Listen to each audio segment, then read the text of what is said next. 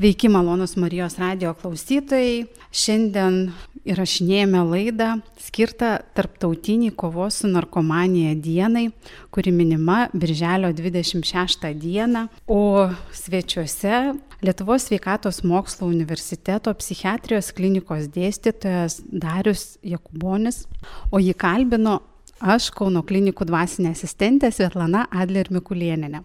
Tai pradėkime kaip paprastai, kaip žmonėm paaiškinti, kas yra narkomanija. Narkomanija šiais laikais apibrėžiama kaip lyga ir lyga jinai tada pasidaro, kai žmogus, nepaisant neigiamų vartojimo pasiekmių, negali suvaldyti šito elgesio. Šiuo metu tai yra vadinama smegenų lyga arba centrinės nervų sistemos. Tiesiog pakartotinai vartojant medžiagą pasikeitus smegenų cheminiai pusiausvyrai, dar, kaip sakoma, smegenys, galvos smegenys būna užgrobiamos e, psichoktyviųjų medžiagų ir jos pačios sukuria savo vartojimo poreikį. Žmogus kaip ir nebegali valdyti savo elgesio. Tas ir trumpai tiek, tas ir nulėmė turbūt žmogaus elgesį ir, ir, ir tokio elgesio pasiekmes. O koks narkomanijos paplitimas? Ar tai labai paplitusi lyga šiais laikais, ar vis dėlto tai yra mm, nedidelė populiacijos dalis?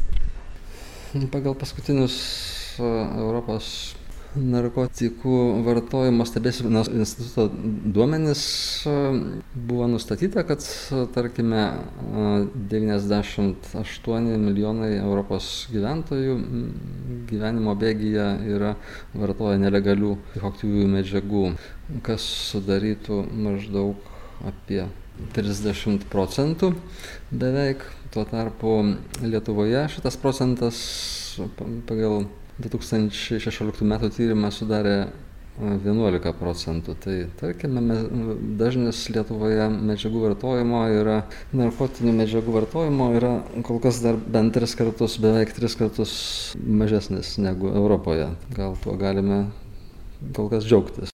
Tai yra ko džiaugtis. Minėjot nelegales, tai kokios yra narkotikų rūšis Ar yra legalūs ir nelegalūs narkotikai? Be abejo, legalioms narkotinėms medžiagoms arba psichoktyvioms medžiagoms nepamirškime tabako ir alkoholio.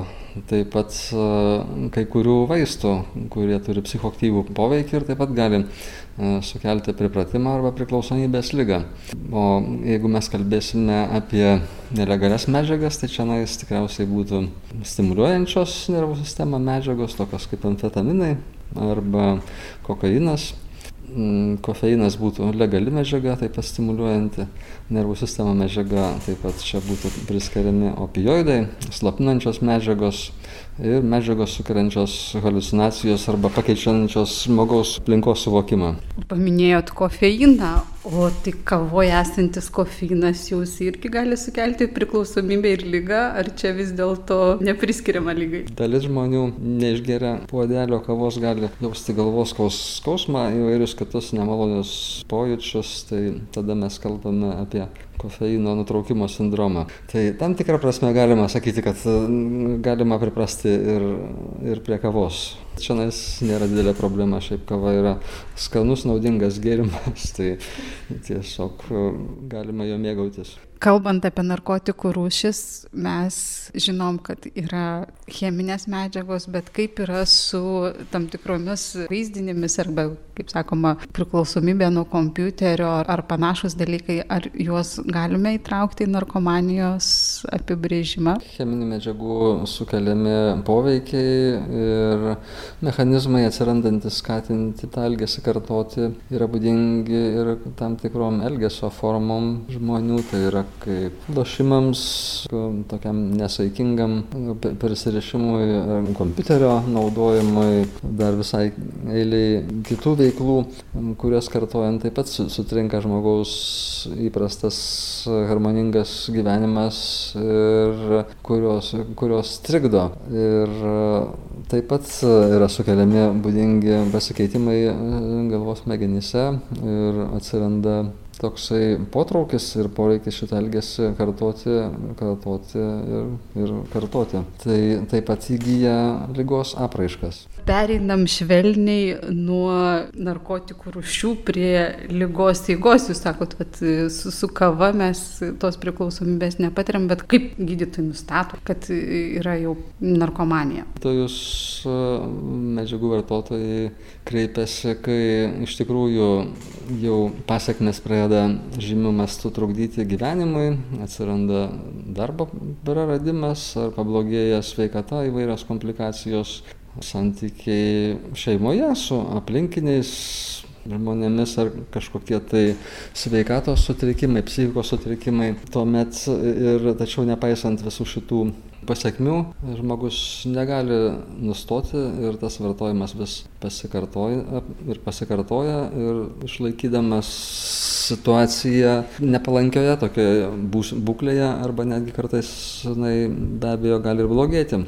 Taip pat yra dar keletas požymių, kai tas pats medžiagos kiekis jau vis nebesukelia įprasto poveikio ar yra sunku tiesiog nustoti medžiagą vartoti, nes žmogus pradeda sirgti ir kad jisai galėtų gyventi, sakykime, eiti į darbą turi tęsti vartojimą ar atlikti kažkokią tai kasdienę veiklą. Taip pat, kai vartojimas trukdo įvairiems įsipareigojimams ir vis daugiau ir daugiau atima laiko ir pastangų įsigyti, vartoti medžiagą ar atsitaikyti nuo jos vartojimo, kokie būtų, sakykime, priklausomybės simptomai. Paminėtina, kad pasikeičia emocinis atsakas į aplinką, suvokimas, sprendimų prieimimas nulėmė žmogaus elgesį. O kokios priežastys šitos lygos, jeigu, va, taip, tarkim, kai kurių lygų yra genetinė įtaka, ar čia yra grinai elgesio dalykas, nes jūsų atsakymuose daug girčiu apie elgesį žmogaus. Priklausomybė nuo psichoktyvių medžiagų be abejo taip pat turi taip vadinami biologiniai faktoriai, tame tarpe ir genetiniai.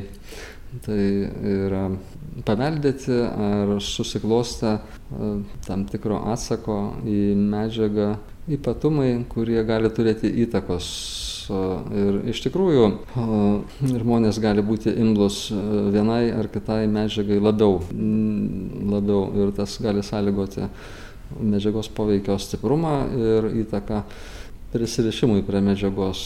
Tarp biologinių faktorių taip pat, aišku, reikia dar prisiminti žmogaus amžių, gretutinės lygas, psichikos būklę ir panašiai. Kalbama, kad tam tikrais sutrikimais sergantys žmonės patiriantis depresijos priepolius ar nerimo, tas gali skatinti taip pat medžiagų vartojimą ir tokiu būdu žmonės savotiškai naudoja tas medžiagas kaip vaistą. Bet be abejo, tai būna trumpalaikis poveikis ir aišku, nauda narkotinių medžiagų ar psichoaktyvių medžiagų vartojimo visą laiką jinai būna persveriama neigiamų pasiekmių. Minėjote amžių, Ar turim te omeny, kad jaunesnis amžius ar vyresnis amžius labiau įtakoja vartojimą? Kalbant apie narkotinės medžiagas, tai tikriausiai, kad e, rizikos vartojimo yra būdingos labiau ir pradžia vartojimo, jinai prasideda ankstyvame amžiuje, kai domisi medžiagų poveikiu, taip pat čia turi įtakos ir aplinkinio bendramžių spaudimas arba nuomonė tiesiog įkalbinėjimai ir, sakykime, nu, vartoti tokiame amžiuje, pradėti medžiagas dažniau pradeda, tai yra jaunų žmonių gyvenimo toksai, tokie akcentai. Ar yra medžiagų, kurios praktiškai nuo pirmos dozės sukeltų priklausomybę ir žmogus taptų priklausomas? Turbūt labai įdomu, bet pirmas santykis ar susidūrimas su medžiaga dažnai būna nemalonus. Ten, kas ten prisimintų, sakykime, ar legalių medžiagų vartojimą, ar nelegalių, reiškia, tai e, ir iš tikrųjų tas kartais net ir atbaido, atbaido nuo medžiagos vartojimo, bet iš tikrųjų turbūt nuo, nuo pirmųjų pavartojimų žmogus tiesiog supranta, ar iš, pajunta, ar ta medžiaga iš vis priimtina yra vartoti. O pripratimą ir priklausomybę įformuoti formuotis turis turi reikšmės lemiamos kasdienis ar besikartojantis vartojimas. Tai kai nustatoma, jau kai žmogus tampa priklausomas, ar tai jau tampa nuosprendžiu, ar vis dėlto yra įmanoma pilnai pasveikti nuo klausomybės nuo narkotikų? Pajutus neigiamas vartojimo pasiekmes sunkumą valdyti, be abejo, reiktų pagalbos kreiptis, nes šiandien atrodo nei lyga, nei kas daugelis žmonių įsivaizduoja, kad tai yra asmeninis reikalas ir kad turėtų susitvarkyti patys. Visgi pagal šio laikinę praktiką ir panašiai yra visą laiką patariama kreiptis pagalbos. Be abejo, bet kokia, ten tarkime, ar žaizda kartais jinai gali reiškia sugyti, bet jinai sugis ne, ne tokiu būdu reiškia, ar sakykime, likdama neigiamas pasiekmes, ar sakykime, dažniau negu kad besikreipiant pagalbos. Tai iš tikrųjų šiais laikais yra priemonės kurios gali padėti efektyviai sustabdyti ligos vystymąsi Tai jeigu nustatyta narkomanija, tai dar ne mirties nuosprendis, nes populiarioje literatūroje galime rasti, kad gyvenimo trukmė vartojančių narkotikus yra 70 metų. Kaip jūs tai galėtumėt pakomentuoti? Man sunku būtų pasakyti apie šitą skaičių. Be abejo, bet kokios lygos jos turi įtakos žmogaus gyvenimo trukmei. Neįgiamos be abejo, tai narkotikų vartojimas kartais gali būti iš tikrųjų pavojingas gyvybėje ir mes praėjusiais metais 500 tūkstančių žmonių mirė nuo narkotinių medžiagų perdozavimo, tai čia, sakykime, toks yra iškalbingas skaičius pasaulio mastu. Tai atskiros medžiagos turi, turi skirtingą poveikį, bet be abejo, medžiagos gali, gali sukelti, sukelti labai neigiamas ir kraštutinai neigiamas pasiekmes ir tai gali būti, vat, kaip jūs ir sakėte, nuo, nuo vieno karto kartais. Narkotikai reiškia, gali būti vienas ir paskutinis kartas. Tarkime taip. Tai o koks yra gydimas? Šnekam, kad vat, reikia kreiptis pagalbos, bet vat, jeigu žmogus išdryso, pirmiausiai, kur jam reikia kreiptis? Mm, žmogui reiktų kreiptis, nepamiršti savo, kad ir šeimos gydytojo, arba galima kreiptis tiesiai į psichikos veikatos centrą, arba į priklausomybės lygų centrą, susisiekti su psichikos veikatos specialistais. Būtų toksai tiesiausias kelias. Tenais būtų būtų atliktas toks situacijos vertinamas, vertinant e, patį vartojimo pobūdį, rizikas, taip pat e, gretutinius sutrikimus, socialinę situaciją ir pagal tai būtų sprendžiama, kokia pagalba būtų žmogui efektyviausia ir būtina tuo momentu. Tai tiesiog žmogui reiktų nu, nuspręsti, pas, pasiryšti tokiam žingsniui, galima kreiptis į draugus, artimuosius padrasinimo. Ir daliai žmonių reikia suplanuoti medžiagos vartojimo nutraukimą, kartais jisai turi būti atliekamas ligoninėje, toliau seka psichologinės ir socialinės pagalbos pagal kiekvieno individualius poreikius tai va toksai modelis jisai yra efektyviausias ir be abejo kad tai nėra vienkartinis kažkoks tai veiksmas. Jeigu mes kalbame apie lėtinį sutrikimą tai tas taip pat turi tam tikrą seką ir eigą bet tuo metu nebūtina izoliuotis bet galima vykdyti įprastą savo kasdieninę veiklą Tai nebūtinai gultis į taip vadinamą stacionarą, o galima ambulatoriškai. Didžiaja dalimi galima gydytis būtų ambulatoriškai. Bent jau tokia turėtų būti siekiamybė. Išvengti ligoninės ar stacionaro paslaugų ne visą laiką išeina ir kartais tas yra būtina, dėl, dėl, jeigu ten yra kažkokie tai lydintis psichikos sutrikimai, ar kaip mano minėtas nutraukimo sindromos, sindromo gydimas, tai kartais reikalingas trumpalaikės hospitalizacijos, dalis reabilitacijos programų yra, vyksta stacionare. Jeigu sutrikimai įvairiose sferose yra gilesni, yra teisinių problemų, socialinių, sveikti padeda nuo priklausomybių taip ir reabilitacijos bendruomenės kuriuose kursas jisai yra ilgiau trunkantis ir padeda atsiriboti nuo žalingų aplinkos veiksnių. Ar viskas yra kompensuojama valstybės, ar čia, jeigu žmogus apsisprendžia, jis pats turėtų susimokėti už šitą gydimą? Aš sakyčiau, kad dauguma paslaugų yra nemokamos išskyrus kai kuriuos vaistus, bet tarkime būtinoji pagalba arba reabilitacijos programos tam tikras paketas jisai yra nemokamas. Kartais, jeigu reikia intensyvesnių ar pakartotinų, kartais yra reikalinga kartais mokėti papildomai. Taip pat ir metus keturias savaites yra suteikiamas nedarbingumo, galimybė turėti nedarbingumą. Būtent šitai lygai gydyti. Būtent šitai lygai gydyti, tai lyginant su kitom jisai yra apribotas, bet tarkime tai yra šis tas ir, ir galima, sakykime, sakykime, paskirti laiko gauti pagalbą. Kokia yra e, priežiūra esančiai lygai. Jeigu, nu, va, žmogus, jūs sakot, kad vienas dalykas, kad yra nedarbingumas, kitas dalykas, žmonės labai bijo, kad e, išviešinta bus šitie visi dalykai yra konfidencialūs ir iš tikrųjų, jeigu pats žmogus nesakys, tai e, jo darbdavys neturėtų sužinoti šitų dalykų.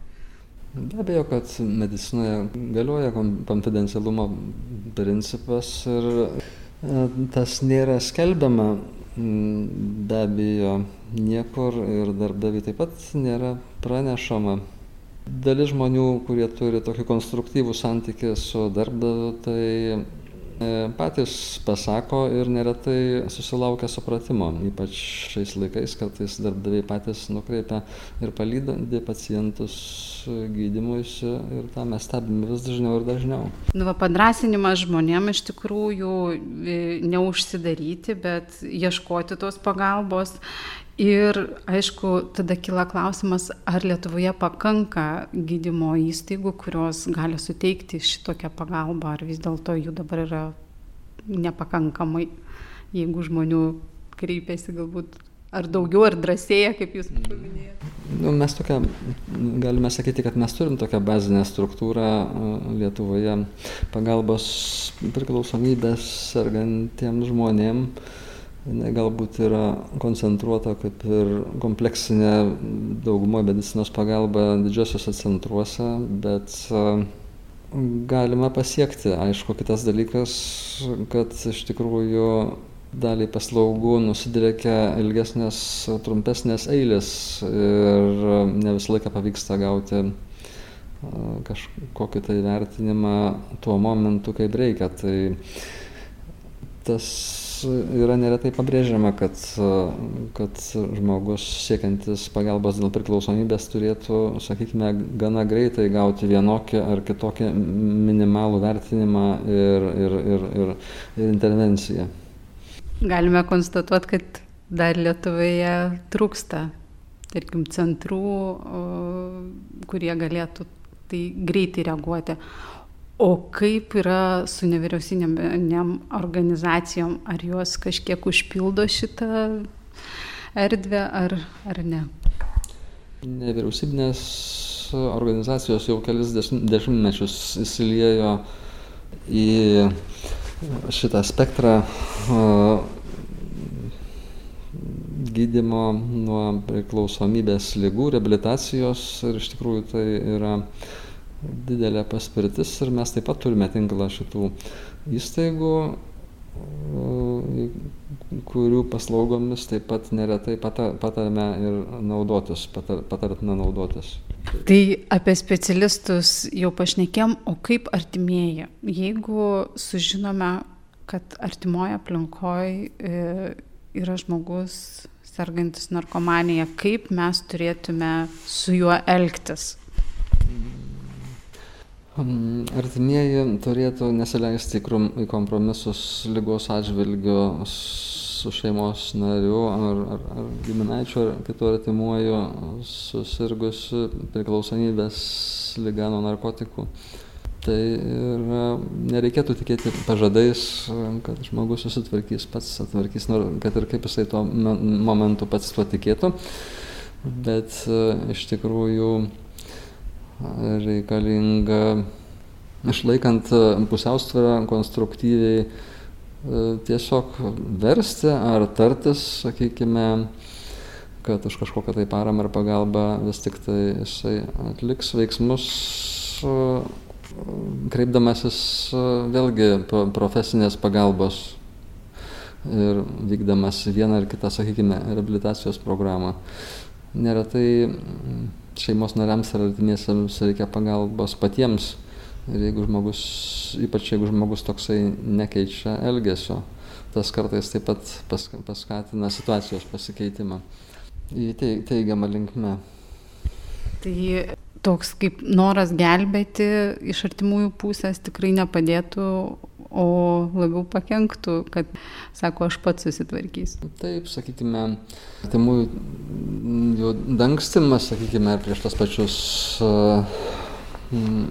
darbdavius ar, sakykime, kažkokiu tai skolų toks bekompromisinis sumokėjimas, kitų, va, tokių, nu, sakykime, tokios paramos teikimas besąlygiškas, jisai tikrai nepasitarnauja žmogaus veikimui. Tai apibendrinkim, kokie yra didžiausi rizikos veiksniai susirgti narkomaniją.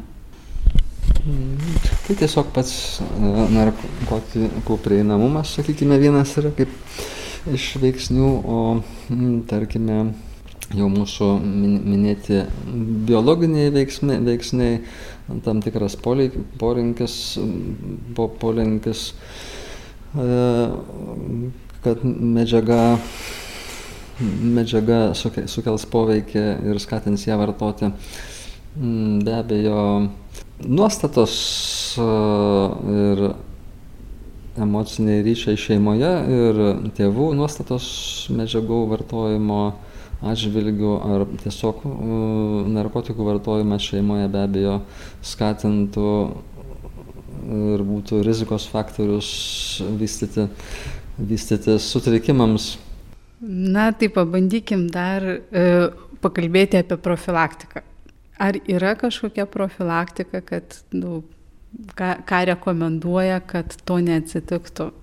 Yra turbūt didelė gausa profilaktinių priemonių, bet tikriausiai tos yra, apie kurias čia būtų galima paminėti, tai yra tos, kurios yra nukreiptos į nuostatų formavimą ir, ir kurios turbūt ir nulėmė didelę dalimi žmonių elgesį. Tai yra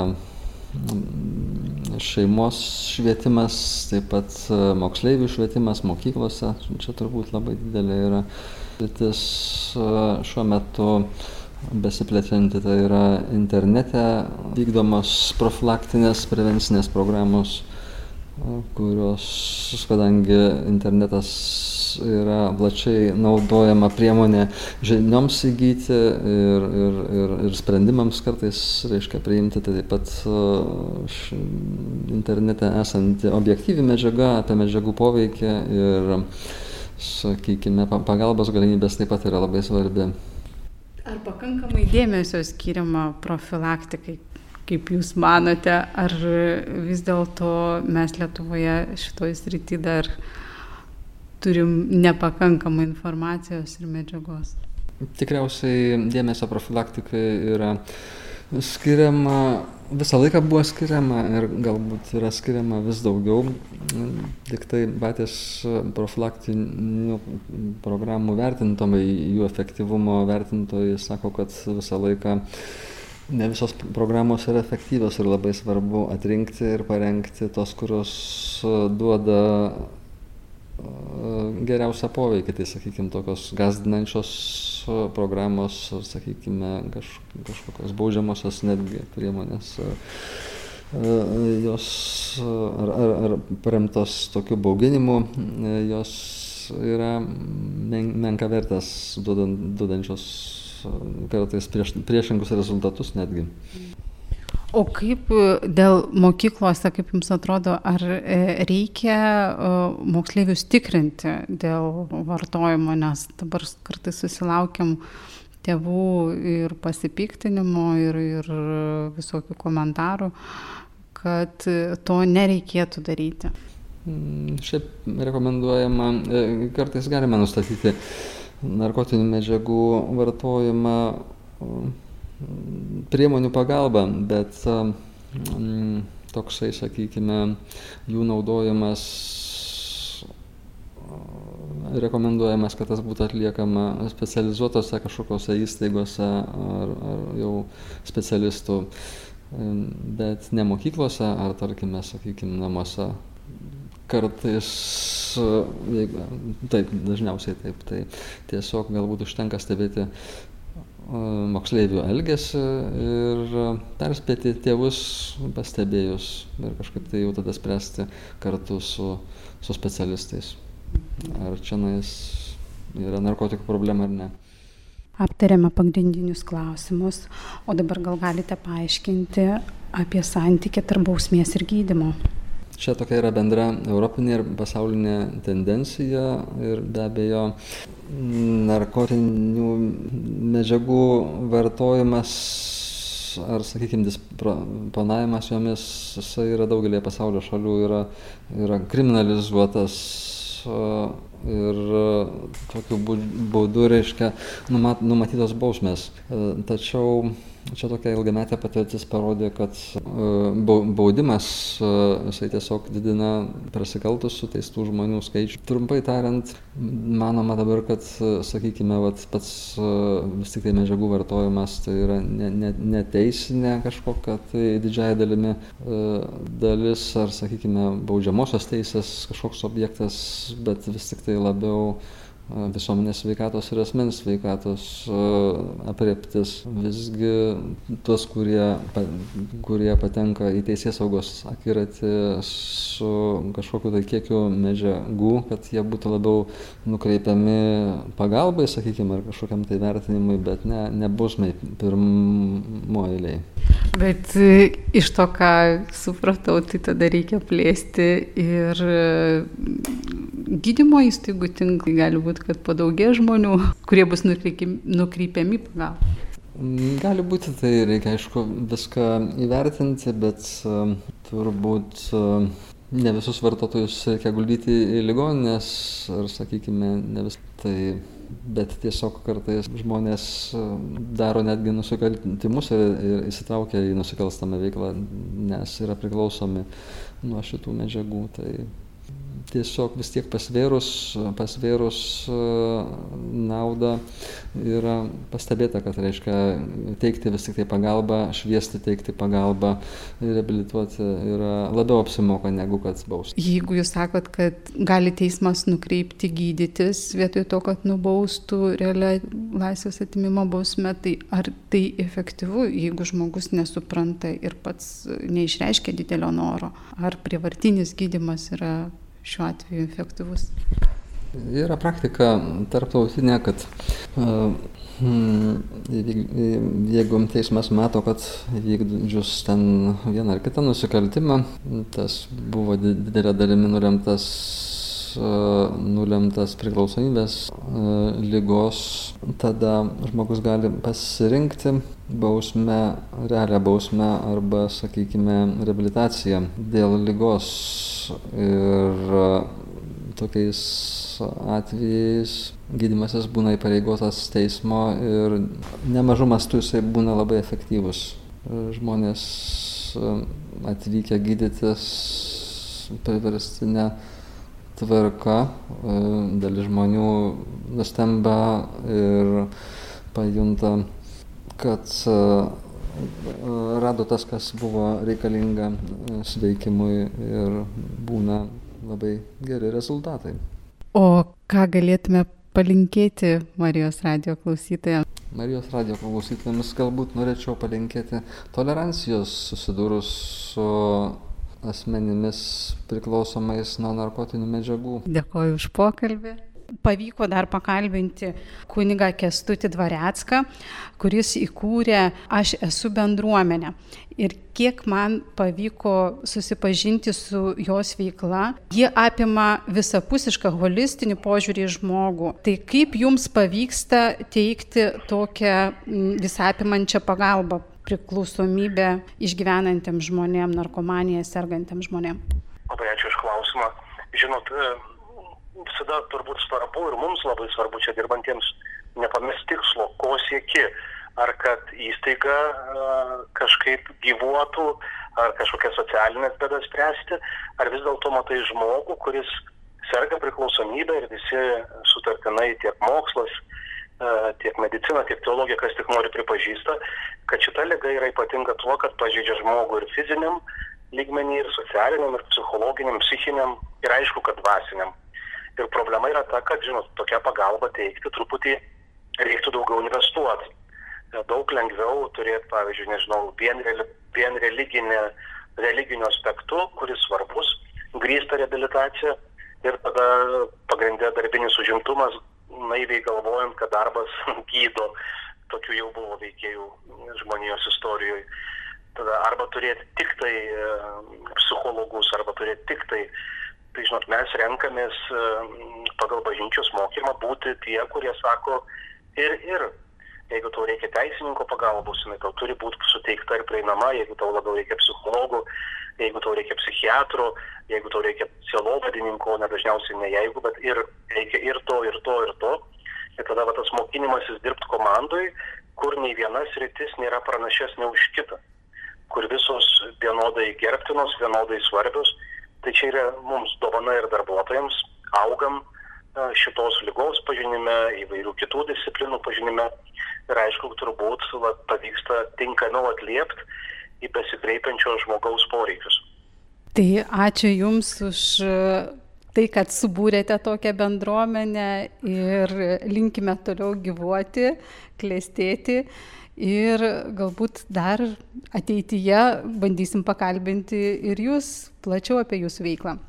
Gerai, ačiū labai, Dievo laimink mūsų visus sudė. Sudė, o visiems Marijos radio klausytojams dar norėčiau palinkėti, melstis už gydytojus, kurie dirba šį sunkų darbą, už tos žmonės, kurie yra priklausomi, kad jie suprastų, kad jie pasirinktų gydimą ir ieškotų pagalbos. Ir aišku, už artimuosius, kurie susiduria su šia lyga savo artimoje aplinkoje. Tad būkime tolerantiški, būkime sveiki ir melskime vieni už kitus.